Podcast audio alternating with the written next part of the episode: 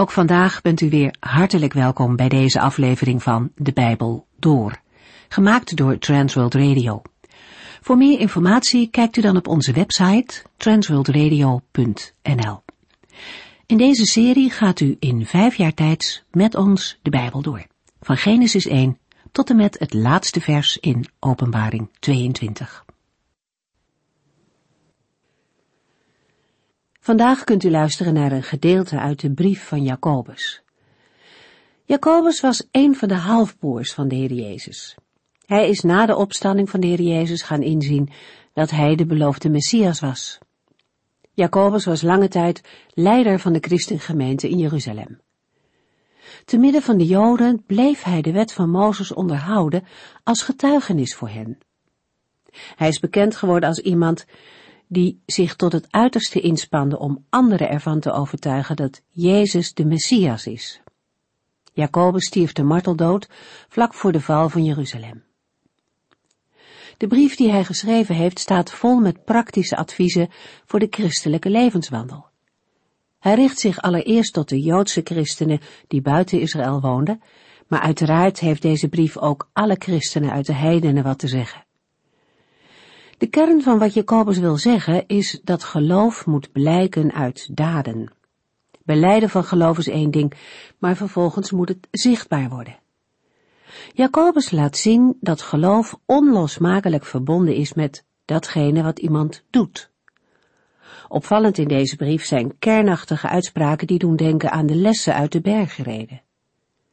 Een van de onderwerpen waar Jacobus fel tegen ingaat is sociaal onrecht. Andere belangrijke thema's uit de brief zijn beproevingen waar gelovigen mee te maken krijgen, het belang van goed luisteren en voorzichtigheid in het spreken en wereldgelijkvormigheid. De brief eindigt met de toekomst waar christenen naar onderweg zijn. Het uitzicht dat Jezus zal terugkomen beïnvloedt het leven van alle dag. Het geeft geduld in beproevingen en helpt om niet helemaal op te gaan in het hier en het nu.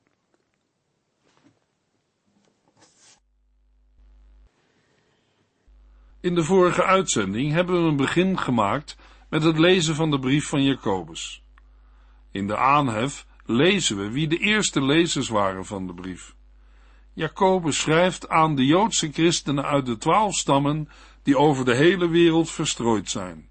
Of, zoals we in een andere vertaling lezen, aan de twaalf stammen die in de verstrooiing zijn.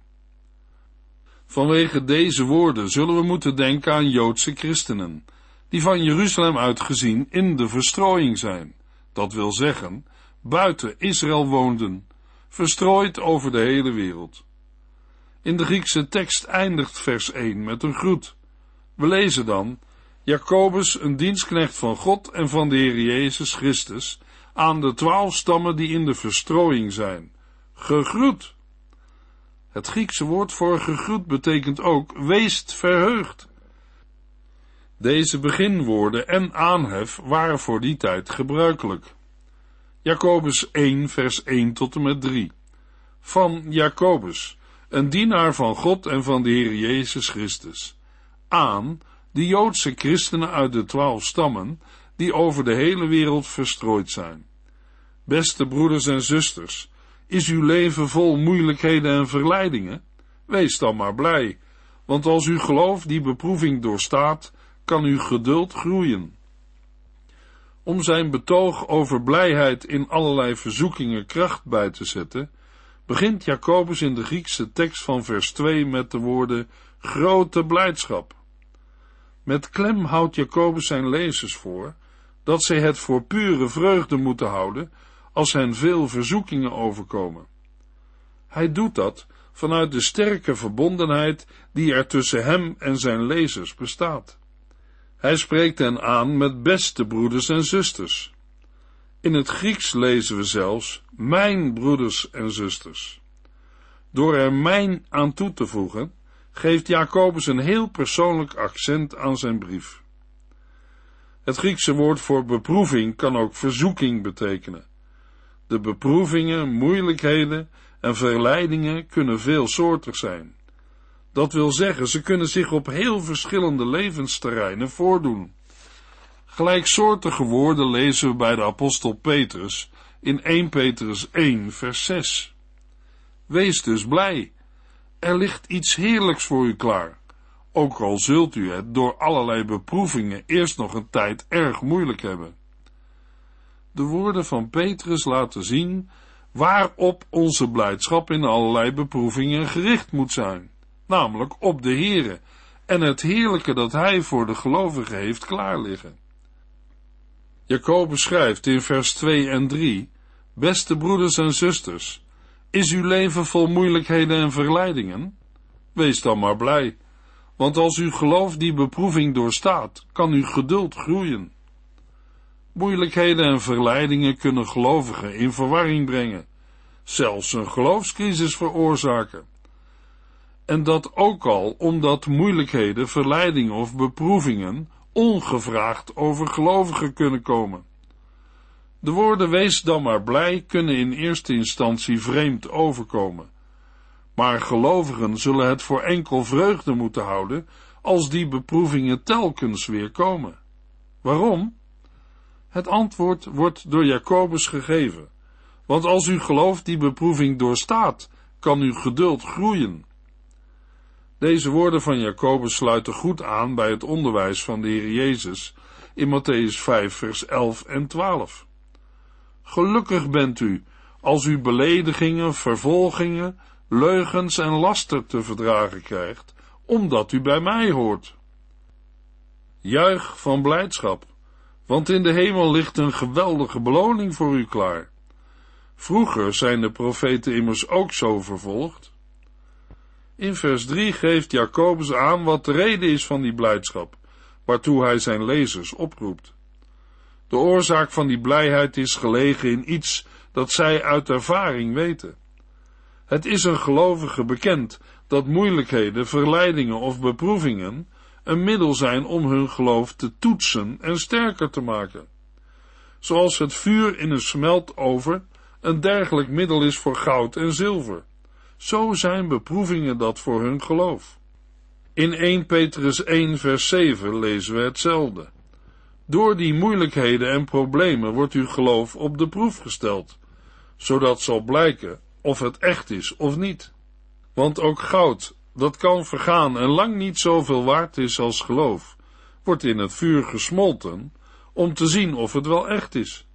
Wel, als uw geloof het vuur van de beproevingen kan doorstaan, zal Jezus Christus bij zijn terugkeer geëerd en geprezen worden. De echtheid en de standvastigheid van het geloof worden door aanvechtingen beproefd. De lezers van de brief van Jacobus weten uit ervaring dat dit volharding uitwerkt. Het doet hun geduld groeien. En dat is iets om zich over te verheugen. Volharden en geduldig blijven is namelijk het tegendeel van berusting of gelatenheid. Het is een actief weerstaan van verleidingen, om ervoor te zorgen dat het geloof niet wegebt of wordt ontnomen. Het feit dat het geduld dan kan groeien geeft aan dat het geduld of de volharding niet in één keer uit die moeilijkheden en verleidingen ontstaat. Het is een proces. Geleidelijk aan groeit daaruit als vrucht volharding en geduld. Jacobus 1 vers 4 Als uw geduld dan volgroeid is, zult u zelf volgroeid zijn, alles aankunnen en een sterk en zuiver karakter hebben. Het begrip geduld of volharding houdt op zichzelf al een verwijzing in naar een doel, een resultaat. In vers 4 geeft Jacobus aan, bij wijze van een climax, waar hun geduld toe moet leiden, opdat u alles aankunt en een sterk en zuiver karakter hebt. In een andere vertaling lezen we, als die standvastigheid ook daadwerkelijk blijkt, zult u volmaakt en volkomen zijn, zonder enige tekortkoming. De woorden sluiten aan bij het onderwijs van de Heer Jezus in Matthäus 5, vers 48, waar hij zegt, Wees volmaakt zoals ook uw hemelse Vader volmaakt is. Als ook bij de woorden van de heiland tegen de rijke jonge man in Matthäus 19, vers 21. Als u volmaakt wilt zijn, ga dan naar huis en verkoop alles wat u hebt. Geef uw geld aan de armen en zult rijk zijn in de hemel. Kom dan terug om mij te volgen. Jacobus schrijft aan zijn Joodse medebroeders en zusters, als uw geduld dan volgroeid is, zult u zelf volgroeid zijn, alles aankunnen en een sterk en zuiver karakter hebben. Dan is het gestelde doel bereikt. Het Griekse woord voor volgroeid of zuiver in de zin van volmaakt is een term uit de offerdienst van Israël en duidt volledige gaafheid aan. Hoewel beide begrippen elkaar in betekenis heel dicht naderen, zijn ze toch niet synoniem. Beide begrippen samen willen zeggen dat er bij een gelovige geen enkele eigenschap die een christen eigen moet zijn, ontbreekt. En dat al de eigenschappen waarover een gelovige moet beschikken, helemaal zijn gerijpt of volgroeid. Beide woorden hebben betrekking op hun geloofsleven. Een christen maakt een proces van geestelijke groei mee. Sommige christenen worden nooit volwassen in het geloof. Ze blijven geestelijke baby's. Geloof kan naar volwassenheid groeien door de werking van de Heilige Geest. Door moeilijkheden, verleidingen en beproevingen komt een gelovige tot geestelijke volwassenheid. Zonder geloof en geestelijk voedsel is er geen geestelijke groei. Jacobus 1, vers 5. Als u wilt weten wat God van u verwacht, vraag het hem, en hij zal het u graag vertellen, want hij staat altijd klaar om ieder die hem daarom vraagt, voldoende wijsheid te geven. Hij zal het u niet kwalijk nemen. Zoals Jacobus in vers 4 inhaakt op het slot van vers 3, zo doet hij dat in vers 5 op het slot van vers 4. In een andere vertaling lezen we in vers 5: Als een gelovige in wijsheid tekortschiet, dan moet hij het aan God vragen. Al gaat het Jacobus erom dat zijn lezers in geen enkel opzicht achterblijven, toch kan iemand van hen tot de conclusie komen dat hij in wijsheid tekortschiet. Vandaar de aansporing: vraag het hem en hij zal het u graag vertellen. In het verband van Jacobus 1 maakt Jacobus duidelijk dat voor het volledig laten doorwerken van de volharding in het geloof alle gelovigen wijsheid nodig hebben. Daarbij moeten we bij het woord wijsheid denken aan het Hebreeuwse woord voor wijsheid. Dan hebben we het over wijsheid in de zin van levenswijsheid en inzicht in de juiste levensweg. Komt iemand van de gelovigen er in een tijd van beproeving achter dat hij die wijsheid mist, dan moet hij er de Heer om vragen. Die wijsheid is immers een gave van God, en de betrokkenen kan er zeker van zijn dat zijn gebed wordt verhoord. Want de Heere staat altijd klaar om ieder die hem daarom vraagt, voldoende wijsheid te geven. De woorden hij zal het u niet kwalijk nemen geven aan dat de Heere zonder voorbehoud, zonder voorwaarden te stellen, zonder een slag om de arm te houden, zonder bijbedoelingen, kortom, royaal voldoende wijsheid zal geven. Onder mensen komt het nog wel eens voor dat iemand achteraf een verwijt krijgt omdat hij iets heeft aangepakt. Maar van Gods kant is zoiets niet te verwachten. God is de ideale gever op wie iedere gelovige volledig kan vertrouwen. Jacobus 1, vers 6. Maar als u hem erom vraagt, moet u ook verwachten dat hij het zal geven. Iemand die twijfelt, lijkt op een golf van de zee die door de wind heen en weer gejaagd wordt.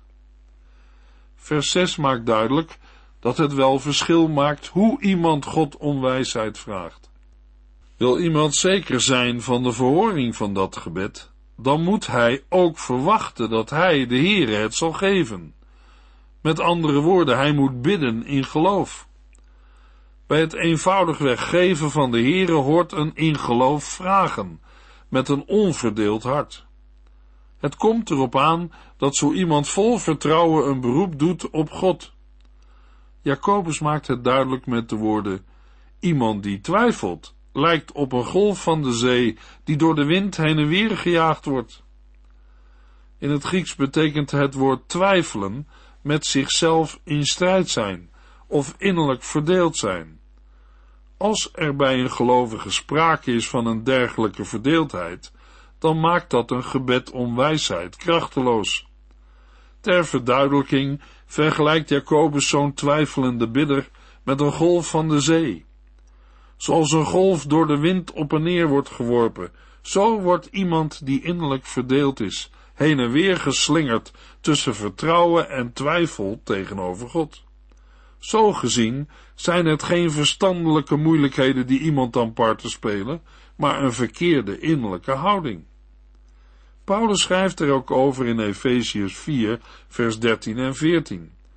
Dan zullen wij volledig mens zijn, volwassen geworden door alles wat Christus in ons heeft gedaan. Wij zullen dan niet langer als kinderen zijn, die zomaar van gedachten veranderen. Wij laten ons dan ook niet meer door van alles beïnvloeden. Ook niet door de verkeerde leer van slimme mensen die ons op een dwaalspoor willen brengen. Jacobus schrijft, iemand die twijfelt, lijkt op een golf van de zee, die door de wind heen en weer gejaagd wordt. Jacobus 1, vers 7 en 8. Zo iemand moet niet denken dat de Heer hem iets zal geven, als hij twijfelachtig is en onzeker in zijn optreden. In het eerste deel van vers 6 stelt Jacobus dat een gelovige in geloof en vertrouwen de Heer om wijsheid moet vragen. In vers 7 laat Jacobus het voorkomen dat dit voor elk gebed opgaat. Vooral het woordje iets wijst in die richting. Als bewijsgrond voert Jacobus aan dat het gebed van een twijfelachtig en innerlijk verdeeld mens door de Heere niet wordt verhoord.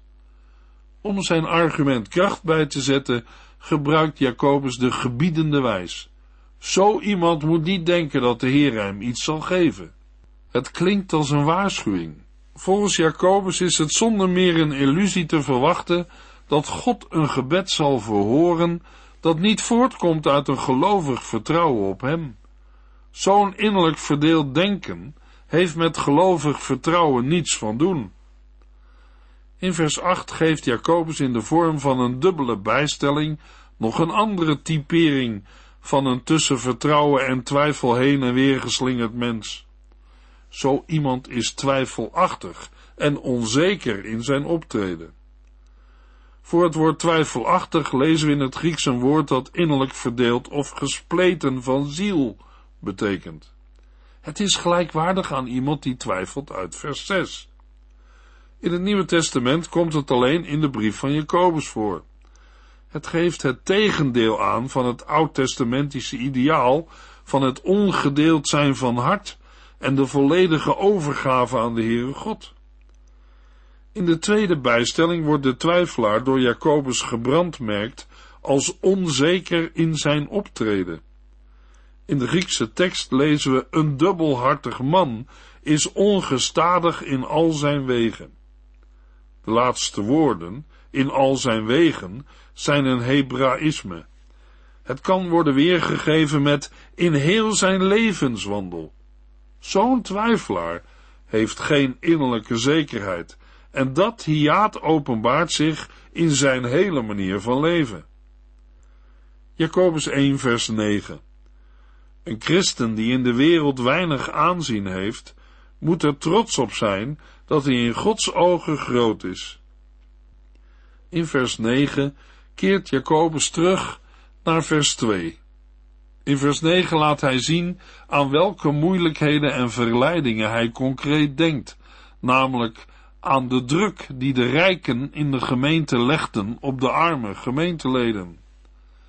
In vers 9 roept Jacobus de armen, de christen die in de wereld weinig aanzien hebben, met klem op zich te beroemen in hun groot zijn voor de Heere. Doorgaans beroemen rijken zich op hun grootheid omdat ze rijk zijn.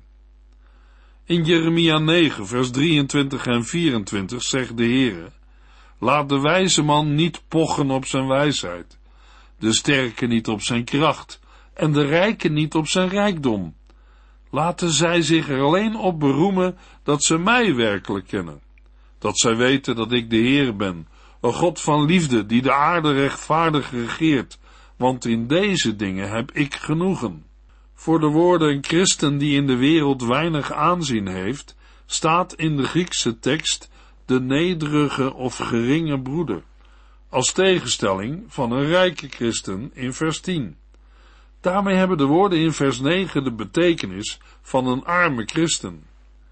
Met de woorden een christen die in de wereld weinig aanzien heeft, heeft Jacobus de kleine man op het oog, die eigenlijk niets heeft in te brengen en die door de rijken nog eens onder druk wordt gezet. De eerste christengemeenten bestonden toen voor een groot deel uit christenen met weinig aanzien. In 1 Corinthians 1 vers 26 tot en met 29 verwoordt de apostel Paulus het met de woorden Kijk maar eens naar uzelf, vrienden. Naar de mens gesproken zijn er onder u niet veel grote denkers, niet veel invloedrijke en vooraanstaande personen. Toch heeft God u geroepen. God heeft juist wat voor de wereld dwaas is, uitgekozen om hen die zichzelf zo wijs vinden, terecht te wijzen. Hij heeft de zwakken van de wereld uitgekozen om de sterken te beschamen. God heeft het onaanzienlijke en verachtelijke van de wereld uitgekozen. Dat gebruikt hij om wat in de wereld belangrijk is, buitenspel te zetten. Dus zal geen mens zich ooit voor God op iets kunnen beroemen. Het is opmerkelijk dat Jacobus in de Griekse tekst juist zo'n arme of geringe met broeder aanspreekt. En dat spreekt te meer als we vers 10 lezen, waarin de Griekse tekst de rijke zo niet wordt aangesproken, ook al behoort hij eveneens tot de christengemeente. In het vervolg van de brief komen we in Jacobus 2 en 4 dezelfde zaken tegen, met de waarschuwing om in de gemeente van Christus geen onderscheid te maken tussen rijk en arm. In Jacobus 1 vers 9 roept Jacobus de christen die in de wereld weinig aanzien heeft op zich te beroemen in het feit dat hij of zij groot is in Gods ogen. In Jacobus 2 vers 5 lezen we God heeft de armen uitgekozen om rijk in het geloof te zijn. Het koninkrijk van God is voor hen, want dat heeft God beloofd aan allen die hem liefhebben. De christenen die in de wereld weinig aanzien hebben, genieten een grootheid die zij als gelovigen dankzij de Here bezitten.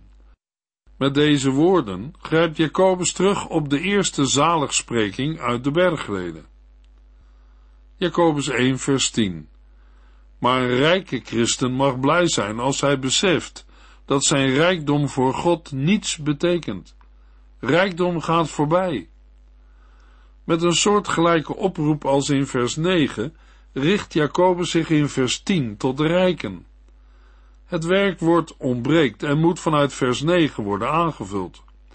Het betekent dat de woorden van vers 10 ook in de gebiedende wijs moeten worden gelezen. Terwijl Jacobus in vers 9 de armen met klem oproept trots te zijn dat zij in Gods ogen groot zijn, houdt Jacobus in vers 10 even nadrukkelijk de rijken voor dat zij hun roem moeten zoeken in hun geringheid. Met andere woorden, dat een rijke christen blij mag zijn als hij beseft dat zijn rijkdom voor God niets betekent. Want rijkdom gaat voorbij. In vers 11 motiveert Jacobus dit met een sprekend voorbeeld. Net als een mooie veldbloem die door de brandende zon en de hete wind verwelkt. Het zal niet lang meer duren of de rijke sterft en moet zijn bezittingen achterlaten. In vers 11 wijst Jacobus de rijken erop dat ze als een bloem in het gras zullen vergaan. Een voorbeeld dat we ook op andere plaatsen in de Bijbel vinden. Zo zal het ook met een rijke gaan. Het zal niet lang meer duren of de rijke sterft en moet zijn bezittingen achterlaten. Vanwege de ernst van dit voorbeeld zal Jacobus deze oproep aan het adres van de rijken, hoe merkwaardig op zichzelf ook, niet ironisch, maar juist heel ernstig hebben bedoeld. Kennelijk wil Jacobus op deze manier de rijken op het hart binden dat zij moeten oppassen voor zelfoverschatting en zelfingenomenheid en uiteindelijk voor een neerkijken of verachten van christenen die in de wereld weinig aanzien hebben. Deze oproep om te beseffen dat rijkdom voor God niets betekent en dat bij het sterven ook een rijke al zijn bezittingen moet achterlaten, zou je de consequentie kunnen noemen van een radicale levensvisie, die steeds de laatste dingen voor ogen houdt en niet blijft hangen in de dingen van nu of dat wat voor ogen is. In 1 Timotheus 6 vers 17 schrijft Paulus aan zijn medewerker Timotheus, zeg tegen de rijken dat zij moeten vertrouwen op de levende God. Zeg hun dat zij hun rijkdom moeten gebruiken om er goed mee te doen. Maar daarover meer in de volgende uitzending. U heeft geluisterd naar De Bijbel Door, in het Nederlands vertaald en bewerkt door Transworld Radio. Een programma waarin we in vijf jaar tijd de hele Bijbel doorgaan. Als u wilt reageren op deze uitzending of u heeft vragen, dan kunt u contact met ons opnemen. Tijdens kantooruren kunt u bellen op 0342 478432. 0342 478432. Ook kunt u een e-mail sturen naar de en natuurlijk kunt u ook via de post ons bereiken. TWR, postbus 371, postcode 3770, AJ in Barneveld. Dit programma werd gepresenteerd door Cor Weda en Ike André. Techniek was in handen van Odin van Voerkom. En wij allemaal bedanken u voor het luisteren. Graag tot de volgende keer.